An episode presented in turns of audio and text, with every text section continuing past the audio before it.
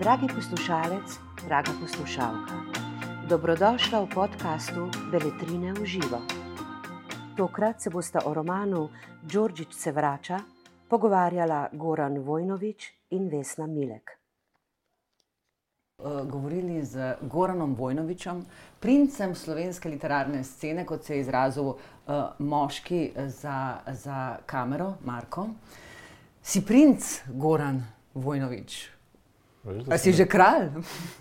Veš, da se ne počutim nekad princ, nekad kralj. Ne? Tako Da, ne Mas, vem, pa to, to ti celo verjamem, ne, v teh časih.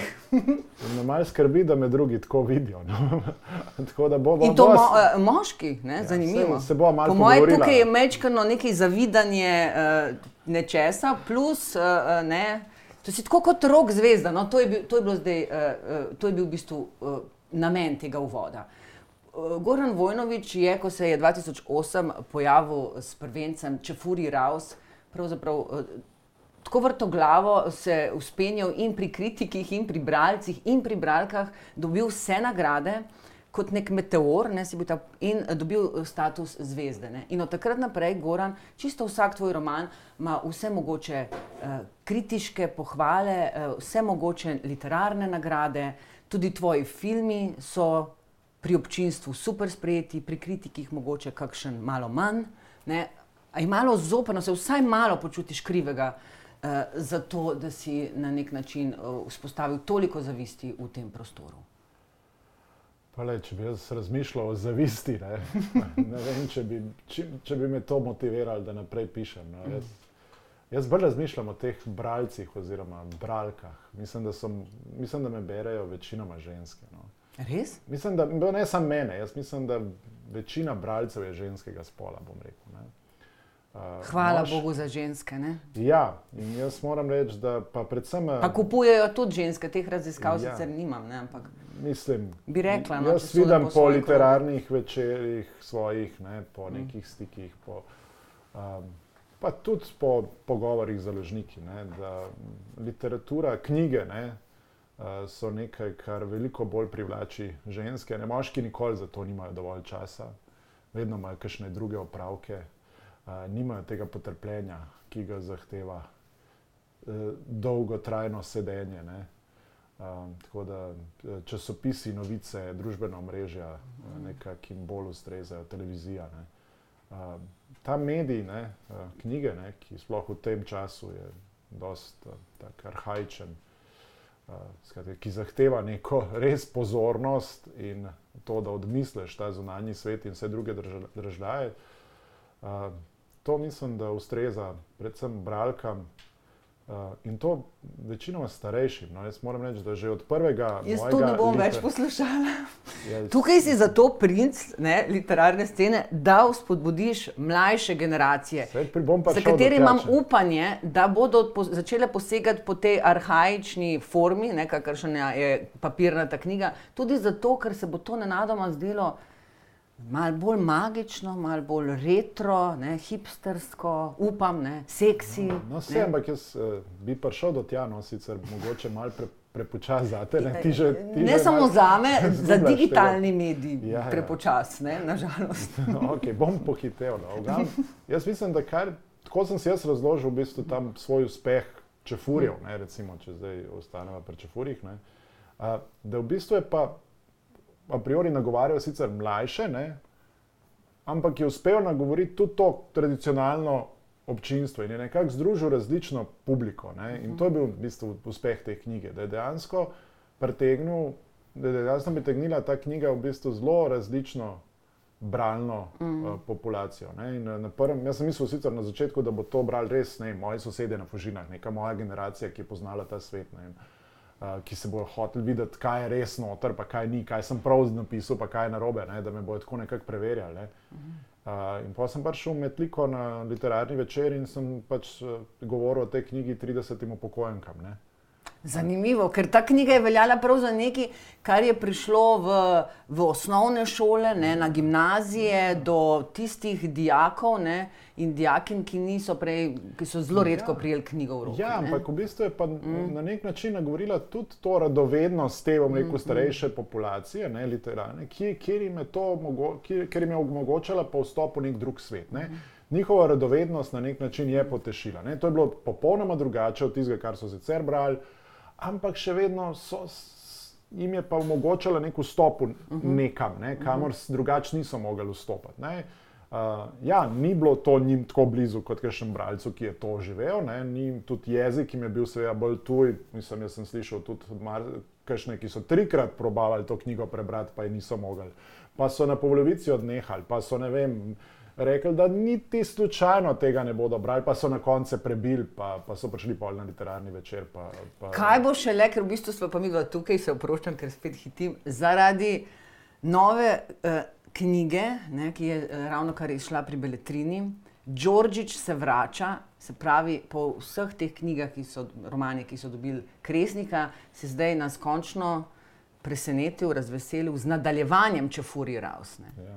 In ta Marko Đorđič, naj pa tudi povem, da sem se jaz takrat, pač zgleda te upokojenke, o katerih si omenil, tudi jaz sem se takrat dobesedno zaljubila v ta literarni lik ne? Eh, in sem toliko bolj uh, pričakovala, ne, kaj se bo z Markom Đorđičem zgodilo. Najprej samo to, zakaj si se sploh odločil za nadaljevanje, te je preganjal Marko Đorđič v sanjah, te je um, mučil, da pač napišeš, izpišeš to zgodbo. Pa da, res v bistvu nikoli nisem zaključil zgodbe z nobenim od mhm. svojih likov. Ja. Mal zato, ker so nek, se z mojimi knjigami pač dogajale stvari od prevodov do uh, gledaliških uprizoritev, um, filmskih uh, upodobitev. Skratka, vse čas so te liki, so me silili, da jih na nek način znova premišljujem. Um, in v bistvu se ne vem, če Furi Raus v bistvu se še vedno ne vem, trenutno prevaja v nemščino in mi vsake tok prevajalec pošle uh, en tak uh, dolg seznamček nekih pojmov in besed, ki naj mu jih pomagam mhm. razložiti in potem moram seveda tudi jaz sam sebi. Aha, to, to je bilo krivo, ne? ker prva knjiga uh, živi skozi, imaš ti ja, konstanten ja, stik z Markom. Na srečo, na srečo ne, ker to je v bistvu nekaj, kar si res lahko samo želiš. Ne, ta knjiga v bistvu in vse moje knjige na nek način še vedno živijo. Ne. In z njimi tudi te junaki. Ne? In jaz v bistvu takrat, ko so me po izidu te knjige ali pa mm. tudi malo kasneje vedno sprašvala, bo nadaljevanje, ne? ker marsikomu se je zdela zgodba nezaključena, uh, sem se rekel, mislim, zdaj sem rekel ne, direktnega nadaljevanja, da bi zdaj se ta knjiga nadaljevala tam, kjer se je prva končala, ne bo. Ne? Uh, sem pa vedno nekje dopuščal možnost, da se bom nekoč v vrnu. prihodnosti mhm. vrnil. Ne, nisem mislil takrat resno. Sem, če bi me takrat res tako resno vprašal, a verjameš, da se boš vrnil, bi rekel, ne ver se, ne ver, ampak po mojem, da ne. ne. Ampak potem pa me je v enem trenutku zagrabili, ne, da, da mogoče so pa te liki, ta njihova zgodba, ta njihov svet, v bistvu, ta jezik Marko, ne, mhm. v bistvu neka nek način, na katerega jaz lahko neke stvari, ki jih trenutno čutim, ne zdaj v tem trenutku, ne, to ni roman o pandemiji, ampak v, v zadnjih letih, bom rekel, čutim glede tega, kam gre ta naš svet, uh mhm. -huh. kaj se z njim dogaja. Neko, mislim, neko moje razočaranje lahko na ta način izrazim. Ne. Um, zdaj se mi je v bistvu od začetka, da bo to neke vrste satira, neki med literaturo in publicistiko, skratka, neki med tem, kar delam, ko pišem kolumne za dnevnik in za druge medije, in med tem, kar sicer pišem, da bo to nek pol roman, bom rekel. Ne? Aha, to je bila prva um, ideja. Ja, tako se mi je zdelo, da bo to nekakšna ena taka družbena kritika spet mra, bolj zabavna kot. Uh, Cele regije, ne pravzaprav moramo povedati. Ja, ne, ampak ampak polka enkrat not padeš, ne, ko si enkrat nazaj v tem svetu, ugotoviš, da pač ne bo nič iz tega, da bi bil to pol roman, ampak da pišeš v bistvu nekaj zelo, uh, zelo, zelo resnega. Ne, da pač si dejansko me je v bistvu pol ta svet posrkal vase, ne, se, ker je pač en od mojih svetov. To, Jezik je pravzaprav tukaj uh, uh, ta magični element, skoraj šamanski element, se zdi, ne glede na to, da je že prvi roman um, um, pravzaprav se zapisal ta literarni zemljevid, prav zaradi tega, ker je čefurščino uvedel kot literarni jezik. In zdaj v tem romanu je pa ta jezik, ta bosanščina, uh, hrva, hrvaščina, slovenščina, nek tak uh, regijski esperanto, še bolj radikalen. Tako da se bojim celo, da ga te generacije ne bodo dobro ujele, ne? te čist najmlajše. Ne? Zelo, no. zelo drzen pristop z jezikom, veliko bolj radikalen kot pri Čefuri Rausu. Ja, mislim, da ti uporabljaš ta, je, pa ne samo ti ta, to besedo radikalen. Meni se zdi, da pač ja. Zgodba sama se, se dogaja, pač en velik del zgodbe se dogaja v Bosni. Ne? Um, in zaradi tega, da je mogoče, no, da je povedati visoko, ja, visokem, ne? pa v Beljini, pa uh mhm. -huh. mislim, v marsikje še. No? Ampak uh, hočem reči, uh, Markoš je živel deset let v Bosni. Ne? Če bi jaz šel nekje zasledovati nek realizem, bi on verjetno že zelo slabo slovensko govoril. Uh -huh. Tako da že v bistvu na nek način jezik je bil kompromis. Uh, Um, in ja, mislim, jaz sem se zelo veliko pol ukvarjal na koncu. Zadnji, zadnja roka tega romana je bil v bistvu en jezikovni, bom rekel, pregled, kjer sem pro, probal ta jezik na nek način vseeno približati Približa. slovenskemu bralcu. Ne? Ker prvič, ko sem pisal, mi je, v bistvu je bil bolj. Sem poskusil, na začetku sem sploh hotel ugotoviti, ali jaz sploh sem še zmožen v tem jeziku pisati. Oziroma, in si je... kar pisal v tem jeziku, mislim, ne, enostavno ti je teklo v tem nenavadnem uh, jeziku. Ja, mislim, ker takrat, ko sem jaz to pisal, sem bil mm. star 26 let, ko sem bil mm. čefuri raus. Ne, in sem mogoče nisem več govoril, ampak je bil ta jezik že zelo živ. Ne.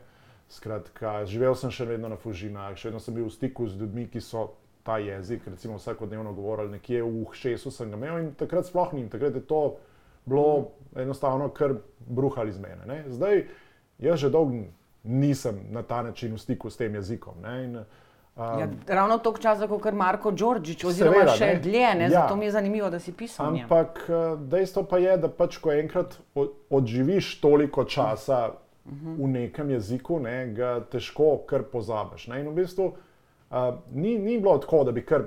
Ko sem začel pisati ta jezik, že bil neka končna oblika, kot je bilo recimo pri Čefurih, ker pri Čefurih zelo malo je bilo potem uh, predelovanja. Ne. Tu sem mogel vseeno veliko več truda uporabljati, ampak sem videl, da pa imam to vse, da, uh, da nekje, da me, predvsem pa da me veseli, da me to, da, uh mhm. -huh. da povleče neka čustva ven ta jezik, da me zabava.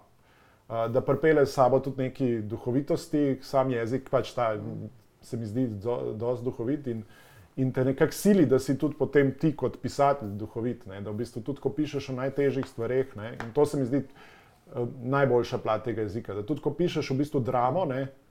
lahko je vse čas v, bistvu, v jeziku je vse čas duhovito, lahko je kruto, lahko je, uh, lahko je zelo.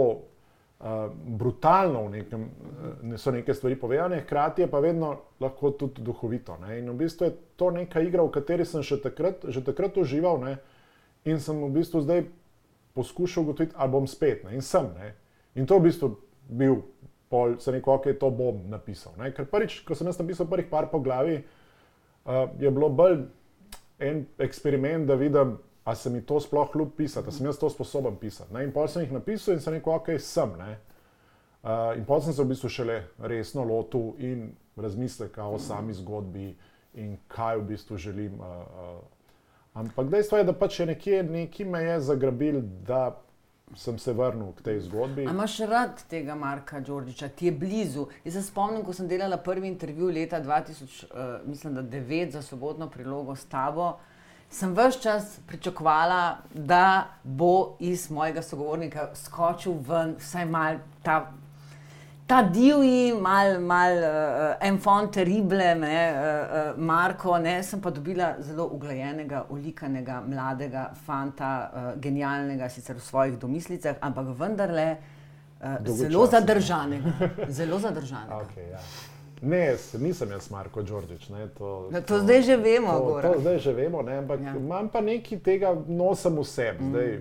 Odkje, kako ne vem, ne, ali je to zdaj prostor, ali je to nekje, ali so to kakšni geniji, ali je to neka izkušnja, ki jo imam, ne, ali je to neka potlačena osebnost, ki nikoli nisem pustil, da na nekem Mogoče, no, v vidiš, resničnem pa življenju zaživi. Ne, to ne ve, in jo pač na nek način izživljam, ne, to divjost, ne, na, na nek drug način. Ne. Ja, hvala Bogu. A, Zdaj imamo tako. še mi kaj od tega. Ne? Ja, ja. ja. Mislim, da je tako boljš, kot da bi jo izživljal kakšen drugačen. Ampak dejstvo pa je, da jaz pol, ko pišem, uživam v tem liku. Ne? In uh, zdaj se mi zdi, da sem še bolj užival, zato ker ta lik se je razvil. Ne? Če je bil v prvem delu v bistvu nedolžen, ne? tako karkoli divji, nek nedolžen uh, fant, ki ga je bilo zelo zlahka metrati, uh, ker je neko, neko surovost tega okolja združil z neko svojo blazno občutljivostjo.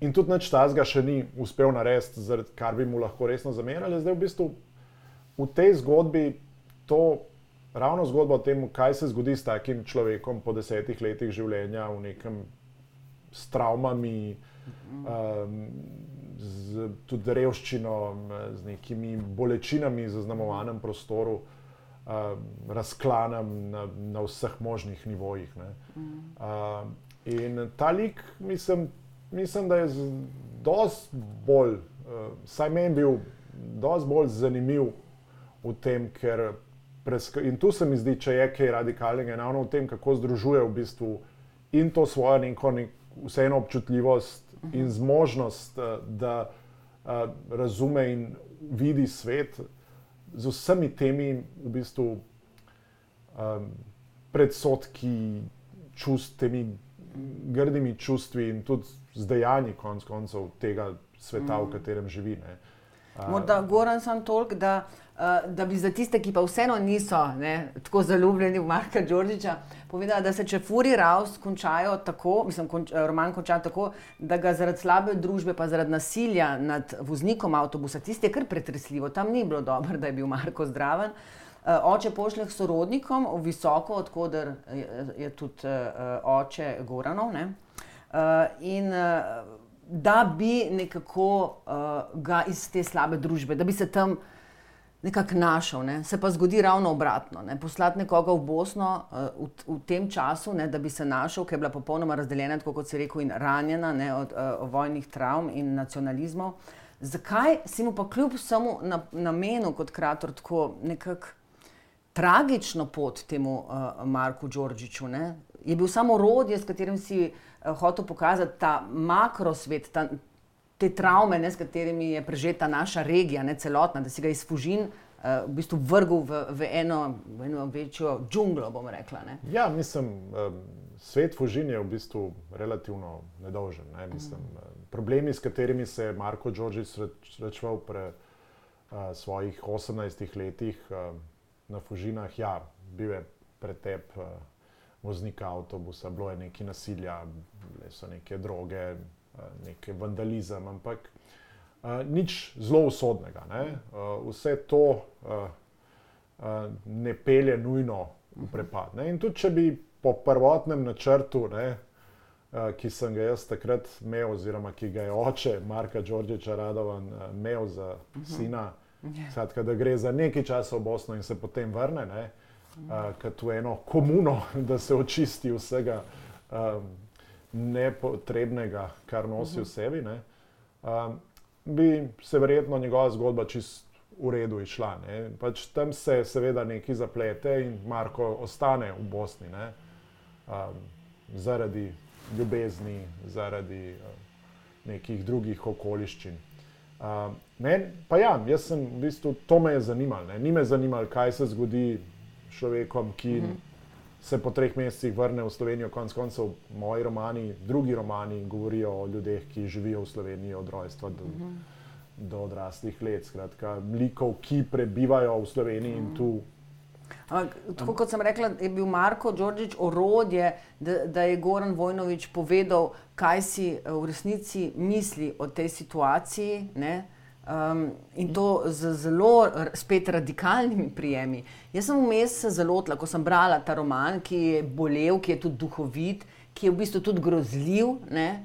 Ker tudi jaz mislim, da poznam Bosno ne? in je bila to, eh, to, eh, to, kar sem brala, obraz tiste Bosne, ki jo ne želim poznati. Ne?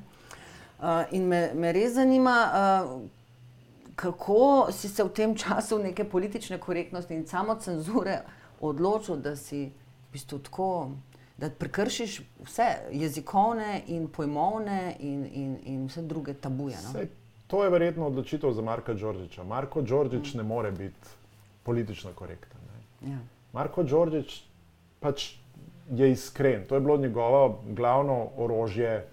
Uh, pri razumevanju sveta in obračunu z njim, uh eh, -huh. in pri tem, da je v bistvu se dotaknil bralca, je bil, v bistvu, da je bil iskren. Ja. Ko je govoril o dobrih stvareh, ko je govoril o slabih straneh, ko je govoril o takšnih in drugačnih, tisto, kar nam je bilo všeč, pa tisto, kar nam ni bilo všeč. Uh, in uh, meni se je zdelo, da v bistvu samo s takim jezikom lahko v bistvu uh -huh. res nekako prikažeš tisto plat zgodbe, ki ne samo, da jo ti nočeš vedeti, jo jaz nočem vedeti, pa tudi Bosna uh -huh. sama osebno noče vedeti te zgodbe, ne, ki v bistvu nekje vse čas nekje prekrivamo z neko drugo zgodbo, ki je seveda duhovita, zabavna, polna nekih izjemnih dosežkov uh -huh. na umetniškem področju. Um, skratka, Bosna seveda nima samo te žalostne, mm. tragične zgodbe, ima konec koncev uh, Oscar je, nove nominacije za Oscarja. Skratka, srca. En svet, ja. ki je blazno bogat, ki nam mm. je vsem všeč, ki, v katerem se da blazno uživati, če ga pač obiskuješ. Mm. Vsake toliko za nekaj časa. Za neke, festivale, sploh. Se, ja. Za vse festivale, ima neke naravne lepote, ki so mm. osupljive. Ne. Skratka, ima neko, še vedno tudi, uh, dosti nekega duha, mm -hmm. ki ga lahko nekje vidiš. Ne.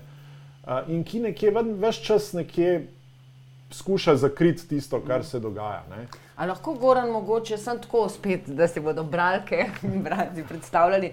Mogoče bi, bi ti prebral, bo lep zvenelo, ne? kot Marko Đorđič. Tle sem samo en odlomek, recimo, da si bomo predstavljali ta jezik. Lahko tudi karkoli lahko prebereš, vidiš, da sem naredila nalogo. Ker je ta Bosna v kurcu trikrat večja od teh piramid. Ker Bosna sploh ni država, ampak je samo prostor, na katerem po nesreči živijo ljudje. Ma niti ne živijo, ampak samo so. In eni so oblečeni v delavce, drugi v taksiste, tretji v policaje, četrti v politike in tako dalje, ampak vse to je samo maskembal.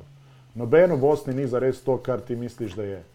Vse je samo predstava. Noben policaj ni zares policaj, noben politik ni zares politik. No, hitro se je končala, ja. več, ker jaz skrbim. Ja. ja. Nisi ti dal več tipkar.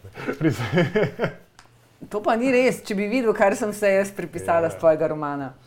Uh, ne, pa tudi to Alma z bombo v očeh je bila še ena Alma, ki je nisem poznal, Alma, ki sem bil super, ker nisem bil žalosten. Hočem samo, da bi uh, zdaj s tem pogovorom tudi nekako povedala, da. Uh, da se ta Marko sooči s temi najtemnejšimi stvarmi v tem prostoru. To, kar so se tvoji junaki eh, soočali tudi v Jugoslaviji, ne, moji državi, ja. oziroma seveda tudi v Figi. Skratka, kaj je tisto, ti hočeš raziskovati travme in bolečine svojih prednikov, da bi bolj razumel, kaj se nam zdaj dogaja. Ne. Je to ena od mislim, tvojih teh poti? Ja, mislim, predvsem tisto, kar. Uh, kar se zdaj dogaja, pa kar mene najbolj zadeva, je v mhm. bistvu ta Bosna, ki uh, odmira. Uh, Sarajevo nikoli ne bo na ta način umrlo. -hmm. Ampak bodo pa odmrla neka Sarajevo, temu ne konc koncev Miljenko Jargovič, pa še marsikdo ja. piše. Neka Sarajeva, ki so jih neki ljudje poznali in ki so za nje obstajala. Uh, In to se mogoče na površini ne bo videl, in je tudi težko vidno. Ne? Nekje na podeželju, ne? in tega podeželja v Bosni, kar predvsej, pa je to zelo vidno, ne? kako v bistvu svetovi izumirajo, kako posamezne vasi, kako deli nekih svetov izumirajo. Ker v bistvu proces etničnega čiščenja, ki ga je začela vojna, se ni končal. Ne? To je v bistvu kot rak, ki se v bistvu širi. Ne? Z neko, Dayton je bil ena zelo agresivna, bom rekel, mm. kemoterapija, ki je malo počasnila ta proces, ampak potem je to samo se nadaljevalo in se še nadaljuje. Dejansko pač.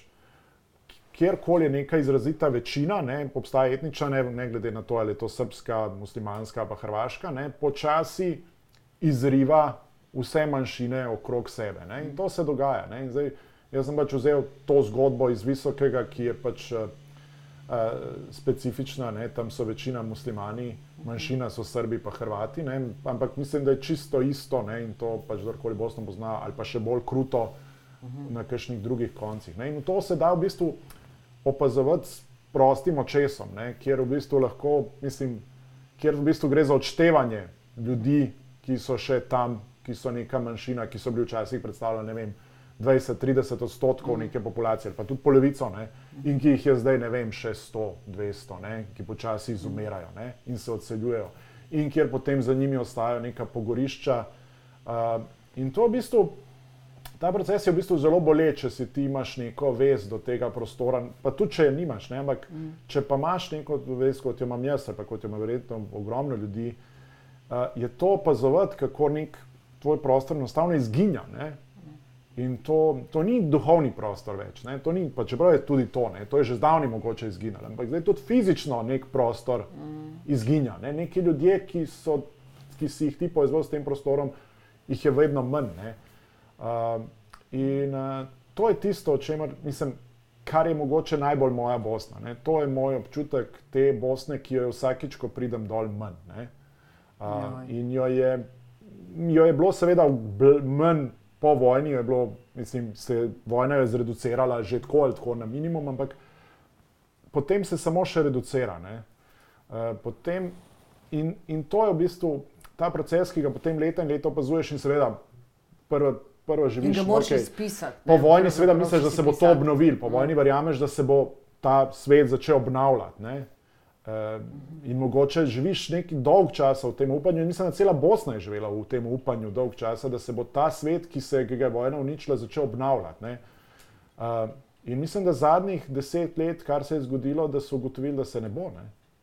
Da se v bistvu ta obnova v resnici ne bo zgodila, ne? Da, da v bistvu je samo zavrla nek proces, ki se bo zdaj, ne veš, kje se bo ustavil. Uh, tako da v tem smislu jaz mislim, da večina Eh, literature bosanske, pa tudi regionalne ali pa tudi svetovne literature, ki se ukvarja z Bosno, ker zdaj imamo tudi ogromno, um, bom rekel, bosanskih pisateljev, ki ne živijo v Bosni in ne pišejo nujno v srbo-hrvaščini ali katerem koli drugem uh, varianti tega jezika. Ne? Skratka, Saša Stanišič, mhm. Aleksandar -huh. Hemon uh, in tako naprej, um, cel kup jih je. Uh, v bistvu pišejo ravno o tem. Ne? V bistvu, uh -huh na tak ali drugačen način se ukvarjajo s tem. Ne. Uh, in... Zdaj pa Marko Đorđič pride iz visokega, ne, po vsem tem, kar je doživel in doživel je zelo veliko, preveč za enega mladega človeka. Pride nazaj v Fužine in Fužine niso več iste, in Slovenija ni več ista. In, in potem pravi, da ne pašem jaz več sem, jaz sem tu van zemaljac, džabeti se, posod sem van zemaljac. Ampak na Fužinama mi gre to, da sem van zemaljac, res na kurac. Ne. Ja, to, tudi Fužine so se, mislim, mm. Fužine so se blazno spremenile. Ne. Mislim, uh, mislim, ne nujno na slabš, da se razumemo. Ne. Mislim, Fužine so danes eno zelo urejeno, prijetno naselje. Uh, imajo dom za ostarele, uh, tako zelo prijeten, imajo kolopark, imajo igrišča. Uh, imajo veliko zelenja, imajo uh, veliko manj nekih uh, ekscesov, če jih lahko pomeni, tudi veliko mm. manj nasilja. Uh, eno prijetno družinsko, uh, družinsko okolje, kjer večina pre, prebivalcev je bodi si nekih mladih družin, bodi si mm. nekih mladih upokojencev. Ne? Uh, in moram reči, da je tako dosti prijetno, ne? ampak to ni svet Marka Đorđiča. Uh, in tudi je... ne njegovih prijateljev, ne, Seveda, na katere ne. naleti in so vsi nekako zafurali ja. svoje življenje ne? in to predvsem na bolj radikalen način kot on. Ne? Ja, mislim, vsi so. Vsi so se izgubili, ne bom rekel. Ne. Mm. Vsi te, mislim, zato ker sem se tudi v prvem romanu želel ukvarjati izključno z liki, ki so bili ujeti v to svoje čefurstvo. Mm. Sedaj, nisem se hotel ukvarjati z zgodbo mojo ali pa mnogih mojih prijateljev, ki, so, ki jih fižine nikoli niso na ta način zaznamovali. Kot bi, recimo bi... Eh, tvoj prijatelj in eh, Benjamin Krnetič, igralec, ki bi te moral danes spraševati. Ne? Pa je pač imel druge obveznosti. Ja, lepše obveznosti. Ki, lepše obveznosti, ki je pravzaprav utelešenje vseh tvojih likov. No, njega je treba omeniti, no, ker konec ja. koncev je on tisti Marko Đorđič no, in še o, Jadran. In še... Beno je, ja. recimo, ja. ne, mislim, pa mnogi, ne, Beno je človek, mm. ki v bistvu se je seveda povezan s prostorom, kjer je odraščal, ki pa ga ta mhm. prostor nikoli v celoti ne determinira. Ne? Mhm. Kot ti rečeš, Beno je to seveda on igralec.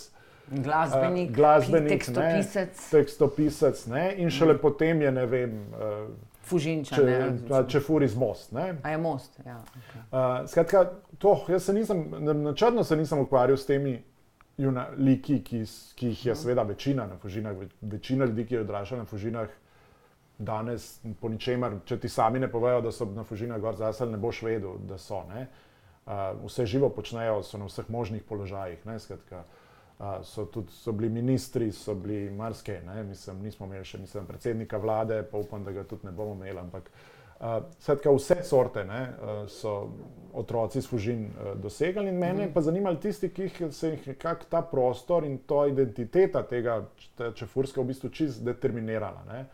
In to, seveda, potem tudi deset let kasneje, na nek način jim je že takrat odredila neko pot in na njej v bistvu ustrajajo. Če, do, če vem, do 18 let niso bili Adi, Jaco in Dejan sposobni se nekje iztrgati, temu se tudi potem nekako niso bili sposobni nekje svojemu življenju sami določati pot. Ne. Vsi v bistvu štirje te enaki so izrazito enaki, ki jim neke okoliščine določajo, ki jih vodi. Neka, ki jih neka družba, nek, neke družinske zgodbe, uh, ki jih potegne za sabo in nimajo vse moči, da bi se temu iztrgali. Ne?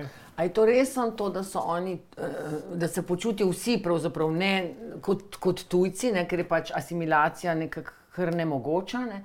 Ali je tudi zaradi tega, ker prihajajo iz tega delovskega razreda ne, in ne morejo zaradi tega prebiti? No, no, sigurno je tukaj tudi ta delavstvo, neka revščina. Tudi vsi štirje v bistvu mal, nimajo tega, to, kar v Sloveniji večina -huh. ljudi ima. Ne, te nekega, tega safety neta, ki je pa -huh. družinski, ne, tega neke širše zgodbe. Ne. Um, pač nek, večina ljudi v Sloveniji ima takšno družino, neko infrastrukturo, ne samo materialno, tudi duhovno, skratka, neka poznanstva, neke ljudi, ki jim pomagajo na njihovi poti, um, ko je treba zbrati šolo, ko je treba um, biti na pravem mestu, v pravem času. Ni nujno, ni tu nujno, da ti dajo službo sorodniki. Dosti mm. včasih pomagajo z nasveti, pomagajo. S tem, da ti približajo nek svet, da se ti počuti ta svet bolj tvoj. Da, če, mm. mislim, da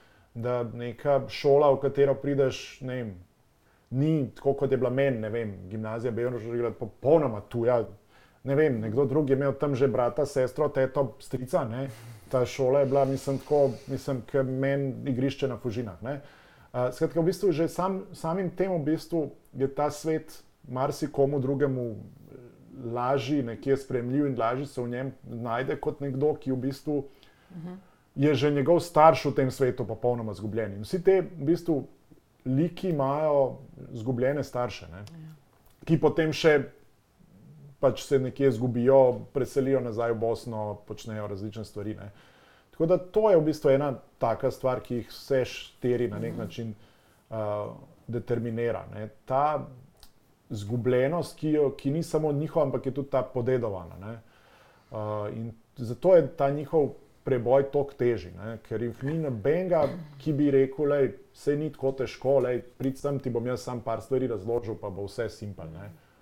Koga volijo ti ljudje? Je to tako kot eh, recimo v Franciji, ki je ta Edouard Louis, eh, to sem te spraševala že za sobotno prilogo dela, rekel, da levica ne zna eh, na pravi način nagovoriti delavskega razreda, iz katerega ta pisatelj francoski prihaja, in da zato volijo desnico, ne, ker jim da konkretno ne, obljubo, ki je lahko populistična, ampak neke trdne temelje. Ne. Levica se pa z nekim uh, uh, jezikom, ne, uh, viši, povišanim jezikom, ne zna uh, prilagoditi. Ne tistim, ki naj bi jih zastopali. Kako je s tem tudi pri ja. nas? Mislim, ne vem, če hodijo na volitve, rekel, ne vem, če dajo svoj glas desnici. Če vem, če, ampak sigurno pa je, da v bistvu ja, pri nas je gledamo, kdo so, njihovi, ja. uh, kdo so njihovi idoli, kakšni so. Ja. Uh, ta, predvsem mačističen lik, ki je tukaj zelo močen. Pač je jasno, da nek Vučić. Seveda, lažje nagovori take ljudi, in jasno je, zakaj Vučić ima to možnost, da neke huligane navijaške povleče za sabo, da mu sledijo, ne? ker nekje uteleša neko to videnje nekega uspešnega, močnega moškega. Ne? takega iz ljudstva, ne, ki se je dvignil, ne, ki je bil tudi nekoč tak huligan, kot so bili oni sami. Ne. Uh, in jasno je, zakaj mogoče naša levica ne, teži svojim vokabularjem nagovori. Ne. Ker tukaj mi skozi razmišljamo, kakšna sporočila dajemo, ne. mislim, kaj govori levica, kaj govori resnica. Ampak uh, volitve niso, mislim, politika ni to. Politika doska deluje na čisto drugih nivojih, na nekih. Govoriš o podzavestnih. Podzavestnih, ja. govorici telesa, načinu. Ne? Zato v bistvu dost, ne vem, zato je Linčič v parlamentu. Ne? On z neko čist na nek drug način doseže neke ljudi, ki jih verjetno noben drug ne more. Ne?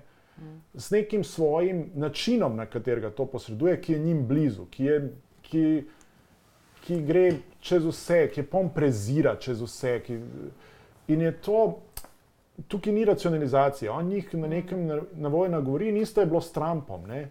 Isto je s Trumpom, ki je vseeno, a je on milijarder, ampak ta njegov primitivizem, s katerim je on in na nek način deloval blazno iskreno. Ne? In, člo, in oni so mislili, da je človek iz ljudstva. Ne? In zdaj ne vem, če ne vem, Janez Janša, če ima to. On ima nekaj drugega, on ima ta občutek velike krivice. Ne? da se mu dogaja krivica, da se mu je zgodila, da so vsi proti njemu. To je zelo močno orožje. Mm -hmm. To je vse, kaj on govori, ampak ta občutek žrtve. žrtve ne? To, da mu je bilo odzeto, ne? to, da je nekje prav nekdo napisal, uh, mislim, da je eden od teh njegovih velikih ideologov, ne? Grozne, ta grozna levica ali ne vem kdo, ki je, ki je kriv za to, da je Janša bil samo trikrat predsednik vlade. Pa, obstaja še človek na tem svetu, ki je bil samo trikrat predsednik vlade? Jaz ne vem, ali je bil kdo štirikrat, ne vem, v različnih, ne za povrstjo, ne, ampak da je bil tri, samo trikrat izbran.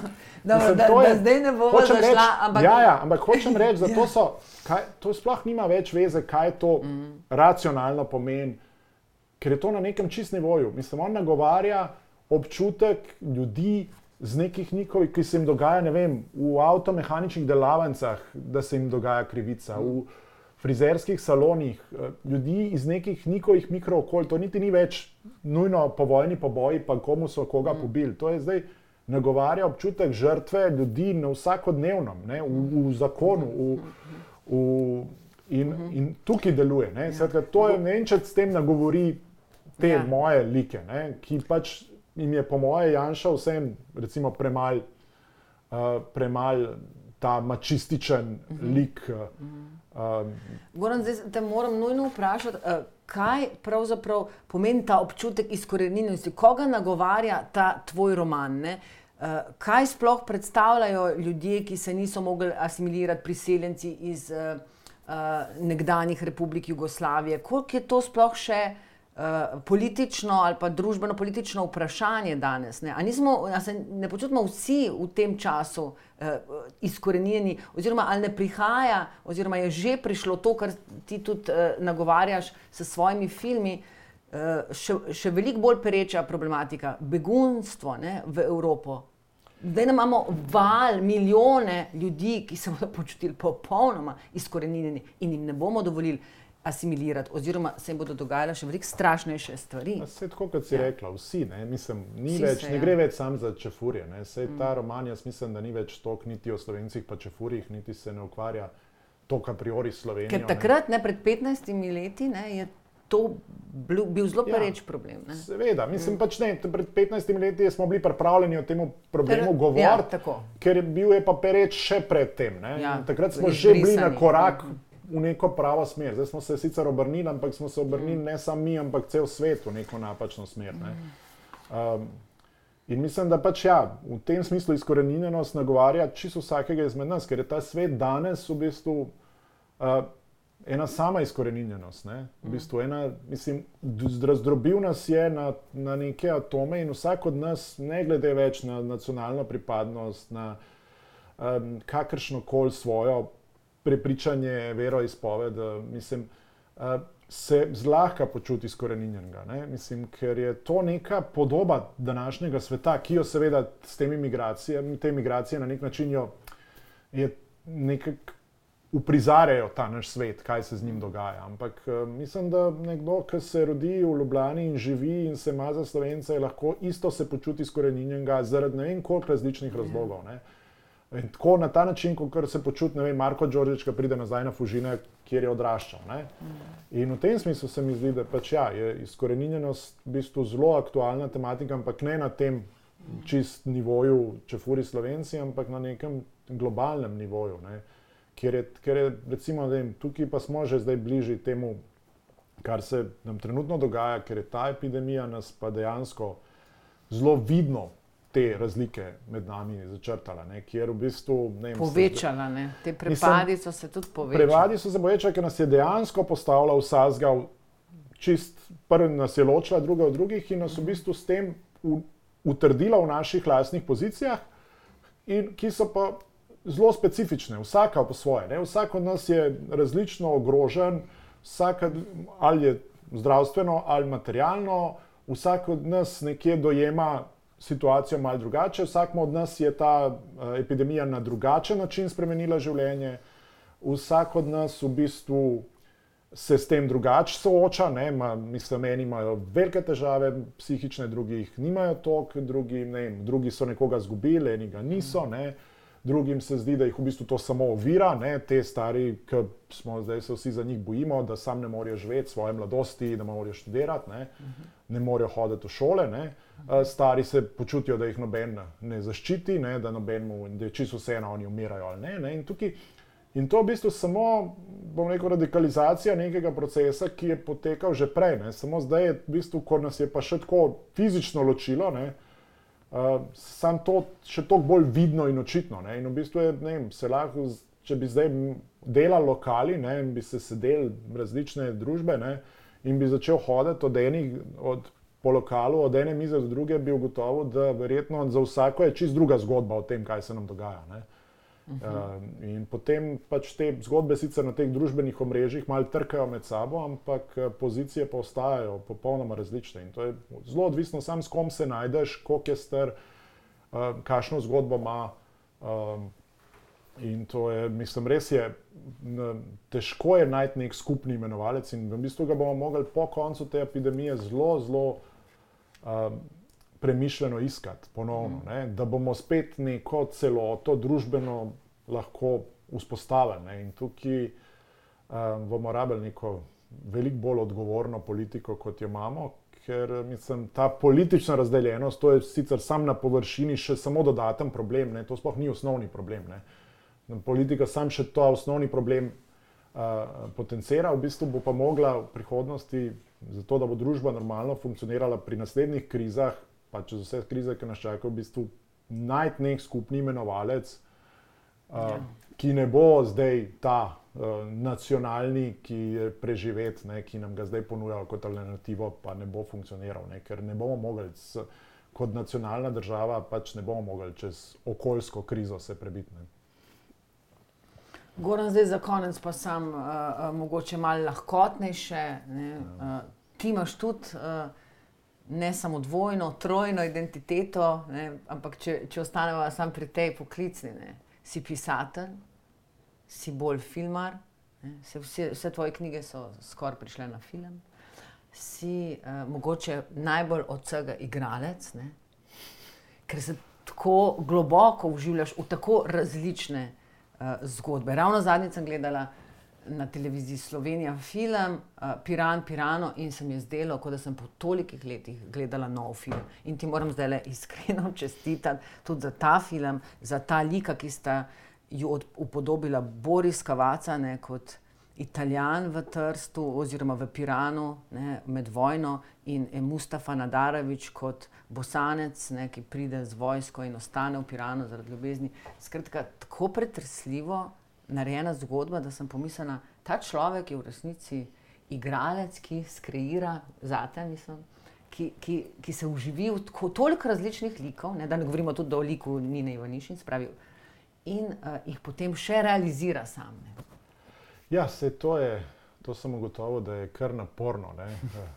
Da vse počneš, in moja kontrolirana filmska izkušnja je, je bila na nek način, sem užival, ker sem prvič v bistvu bil samo režiser, ne, ker sem vzel scenarij, ki ga je napisal Tomaso Santi, ne, uh -huh. italijanski scenarist, in sem bil samo režiser. In moram reči, da sem užival. Kokorkoli sem tudi prej užival, ravno to, kar ti praviš. Ne ustvariti nek lik na papirju in ga pol ne vem, s pomočjo igralca, Oživit, kamere, ja. uživiti. Ne. Uh, sem zdaj užival, da sem v bistvu imel like, ki jih je ustvaril nekdo drug in sem jih potem samo po, pomagal nekako uh, nekje dokončati. Ne, uh, in uh, da sem bil res samo režiser. No. Ampak ker je v bistvu to res, film je izrazito kompleksno. Ne. Sem tu zdaj Piran Pirano nazaj, za nazaj gledal, mislim, po večjih letih spet. Ne. In sem se čudil sam sebi, da se mi je sploh, da sem si upal na ta način tak film takrat snemati. ne. To, mislim, tak film, mislim, to je tudi, ne vem, ko gledaš pico, ko gledaš število likov. Um, to Pa še prvenec, zgodbo. prvenec. Ja, mislim, Zelo mogoče- predrzno, ne? Ja, sej mogoče. Ja, Zato zelo- so bili očitki, nekako, No, zakaj so ja. dali nekemu mulcu ne, takrat Mislim, tako prav, količino. Mislim, da pač, ampak verjetno, če ga ne bi takrat tega filma posnel, ne bi nikoli, ne, ne bi imel, tako kot se mi zdi za moj drugi roman Jugoslavija, moja država, da ne bi, če ne bi takrat se vrgel v to temo, si nikoli pol ne bi več upal. Ne. Takrat sem bil nekje prepričan, da to zmorem. Ne. Zdaj bi imel veliko več dvomov, ne, ta vojni zločini, razpad države, vojna, ne, bi, kako lahko jaz sploh o tem kaj povem. Ne.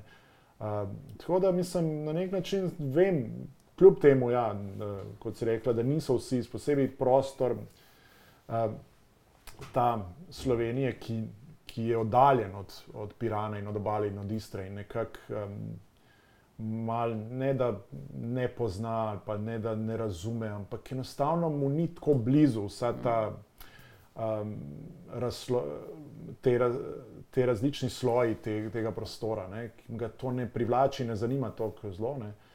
Uh, je bil dosti kritičen do tega filma, oziroma ga ni tako močno pretegnil. Ne, in, uh, um, ampak po drugi strani sem pa vesel, da sem sploh ga naredil, ker pravim, kasneje ga ne bi. Mislim, kasneje bi napisal Figo, ne, ki je na nek način literarni Neki, ja, nekaj odgovor podob- na ja. to, ne, mislim, uh -huh. do, ki nekje se dotika nekih podobnih tem. Ne. Uh, ampak ne vem, če bi se kdaj pol upal. Ne. Verjetno takrat sem bil ravno prav neumen in uh, ravno prav mlad in ravno prav predrzen, da, da sem šel to. Ne. In ja, mislim, to ima vse svoje posledice, hkrati pa ja, je pa v bistvu film, ki ga drugače nikoli ne bi bilo in ki mislim, da v bistvu predvsem ljudem, ki živijo na tem prostoru, je že takrat, pa tudi še vedno, kar veliko pomeni. No. Mislim, da še vedno, jaz že takrat imam izkušnjo, da kjerkoli smo nekje prikazovali ta film v Istri, ali je ta bila Pula, ali je bil to tudi v Trstu, ali pa ne vem, nasploh Tudi v Argentini so ga nekako začutili na en drug način. Ja, Seveda. mislim, tudi, mislim, in tam so ga zelo sprejeli. Ne. Tam v bistvu se noben ni ukvarjal, ali je to Naredil. vzorna nekje z detajli. Ne. Tam jih je ta zgodba, oni so sami zapolnili vse ne, in svojo zgodbo. Ne. In, vem, da mi je, ne vem, enkrat smo ga prikazovali v Pratu, ne, v Toskani, odkudar je uh, glavni igralec, eden glavnih igralcev Francesco Borchi. Pa, Ki igra tudi v tem filmu. Ja, Ja, in, ja, v eh, zadnjem, nekoč so bili ljudje. Ne? Tako, in, uh, in takrat je ena gospa prišla do mene in rekla: Vi ste pa snemali na grobu moje mame, ne? ker je bila ona, seveda, uh, hčerka uh, uh, žensk, ženske, ki je umrla v Piranu, in potem je ona zapustila to mesto uh, in se odselila. Takrat ko so se vsi odseljevali. zgodba. To je bila prav njena, mislim, na nek način njena zgodba. In, uh, in uh, ja. to teh ljudi, katerih zgodba je to, um, se je ta film v bistvu zelo dotaknil. Ne, rekel. in uh, oni so ga vzeli za svojega. In jaz sem to že takrat čutil. In je bila popolnoma ena druga, ne, popolnoma čustvena reakcija na ta film. In ta film je imel neko drugo, drugačno zgodbo. Ne, ni zdaj um, pritegnil vem, 100 tisoč gledalcev v kino, ni, niso mu pel kritiki hvalospeve. n- Hvala spevo, niso, niso ga vabili na neke velike festivale, čeprav je bil, mislim, premjerno prikazan na enem zelo velikem festivalu v Egiptu. Uh -huh. uh, zelo zanimiva izkušnja je bila to. No. Ampak hočem reči, uh, imel je pa enim ljudem je pa ogromno pomenil ne, in ga še danes z veseljem gledajo. Ne. In poleg tega je pa ta film, ki sem ga na zadnje posnel, na nek način se rodil na snemanju. Mhm. Nekoč so bili ljudje, je pač posledica Piran Pirana, kjer sta pač seveda igrala Moamer Kasumovič in Francesco Borki in sta se že takrat odločila po snemanju, uh, ko sta se družila, nekje odločila, da bi pa nekoč nekaj še delala skupaj. In potem sta ona dva v bistvu našla ta gledališki tekst Tomaza Santija, ga prepričala, da iz tega gledališkega teksta naredi filmski scenarij. In ga potem v neki točki prenesta k meni, jaz sem ga v bistvu pomagal predstaviti v Slovenijo, oziroma na to tromejo Slovenija, Italija, Avstrija. In smo ga potem dve leti nazaj posneli. A bo prej uh, prišel ven, uh, nekoč so bili ljudje, oziroma bili so, se, nekoč so bili nekoč ljudje. So bili ljudje ali uh, Đorđič se vrača? Ja, ne, Đorđič se vrača, je že zunaj. Ne, tako da jaz mislim, da film bo pa mogel počakati, da se kino odprejo. Kaj pa film, ga, iz katerega snemanja si se nedavno vrnil? Ne, dokumentarec. Pa, dokumentarec o Eurobasketu, pa v bistvu zdaj se je v fazi montaže, nekje uh -huh. snemanje bolj ali manj zaključeno. Um, in premjera je napovedana za 17. september 2021, uh -huh. to je sicer eno leto kasneje, se bo -huh. zgodila od prvotne načrtovane. Uh, to, je, to bo četrta obletnica evropske, velike evropske zmage in Slovenija bo takrat še vedno aktualni evropski prvak in bomo na ta način lahko to zgodbo na nek način obeležili, ki je pač ena največjih zgodb športnih. Uh, slovenskih. In, uh, S katero se konča roman? Ne? Ki se seveda, mislim, ki verjetno, mislim, ne vem, je tudi ta film kriv za to, da sem jaz potem ta svoj Đorđiča postavil v čas Evropskega prvenstva v košarki, ne, ki mm. se mhm. tudi dogaja v času Evropskega prvenstva v košarki 2017. Ne. Ampak se ja, pač Đorđe Ček, bivši košarkar, meni to se na nek način zdelo logično. Je pa res, da sem pač to zgodbo mogoče zaradi tega filma veliko bolj poznal, ne samo tisto, kar smo gledali na, mm -hmm. na platno, ampak tudi ozadje. Konec koncev smo se mi pogovarjali z vsemi akteri te zgodbe uh, in zvedali marsikaj o tem, kaj se je tudi tu za kulisijo dogajalo, nekaj od tega bo v filmu, nažalost, ne more biti vsega. To je tudi za en nov Ampak, intervju, se bojim, ker zdaj ja. bom začela spraševati, pa mislim, da moramo ja, ja nekaj. Zdaj me pa no, to zelo zanima. Pri Đorđiču seveda jaz nisem nič da, takega uporabljal, ne, ker pač se mi je zdelo, da Marko Đorđič ne more vedeti, kaj se je dogajalo do, za kulisijo. In jaz sem zelo poskušal pa njegov pogled, ne, ki je seveda zelo napačen pogled, ne, ker on seveda do zadnjega prepričan, da Slovenija seveda ne bo nič naredila v basketu, ampak ravno to se mi je zdelo zanimivo. Ne, uh mhm. -huh. Da, se realnost ne, pač gre kontra njegovemu videnju. Ne. To se mi zdi, da je pač tu nekje on najbolj posebej ta naš prostor, ki ustraja, slepo ustraja v nekem popolnoma zgrešenem videnju mm. stvari, tudi ko je to še dokazal, da, da ne možnost. razumeš več, ja, ja. kako lahko vseeno ustrajaš, mm. ampak ustrajaš. Ne. In Marko Đorđe za zadnjega. Do finalne tekme ustraja, da Slovenija ne bo nič naredila v basketu. Ne. In uh, s tem se nekje tudi ta roman zaključi, na srečo pa Zdaj, se, re, re, re, je bila realnost drugačna. Goran, res ti hvala. Đorđič uh, se vrača, bo zdaj še v fizični obliki pod mojo blazino. Ne vem, če si bom upala še enkrat. Pozivam pa vse bralke in bralce, ne, uh, da, da se spustijo po tem uh, uh, roller coasterju, uh, to bogano smrti, skoraj lahko rečem.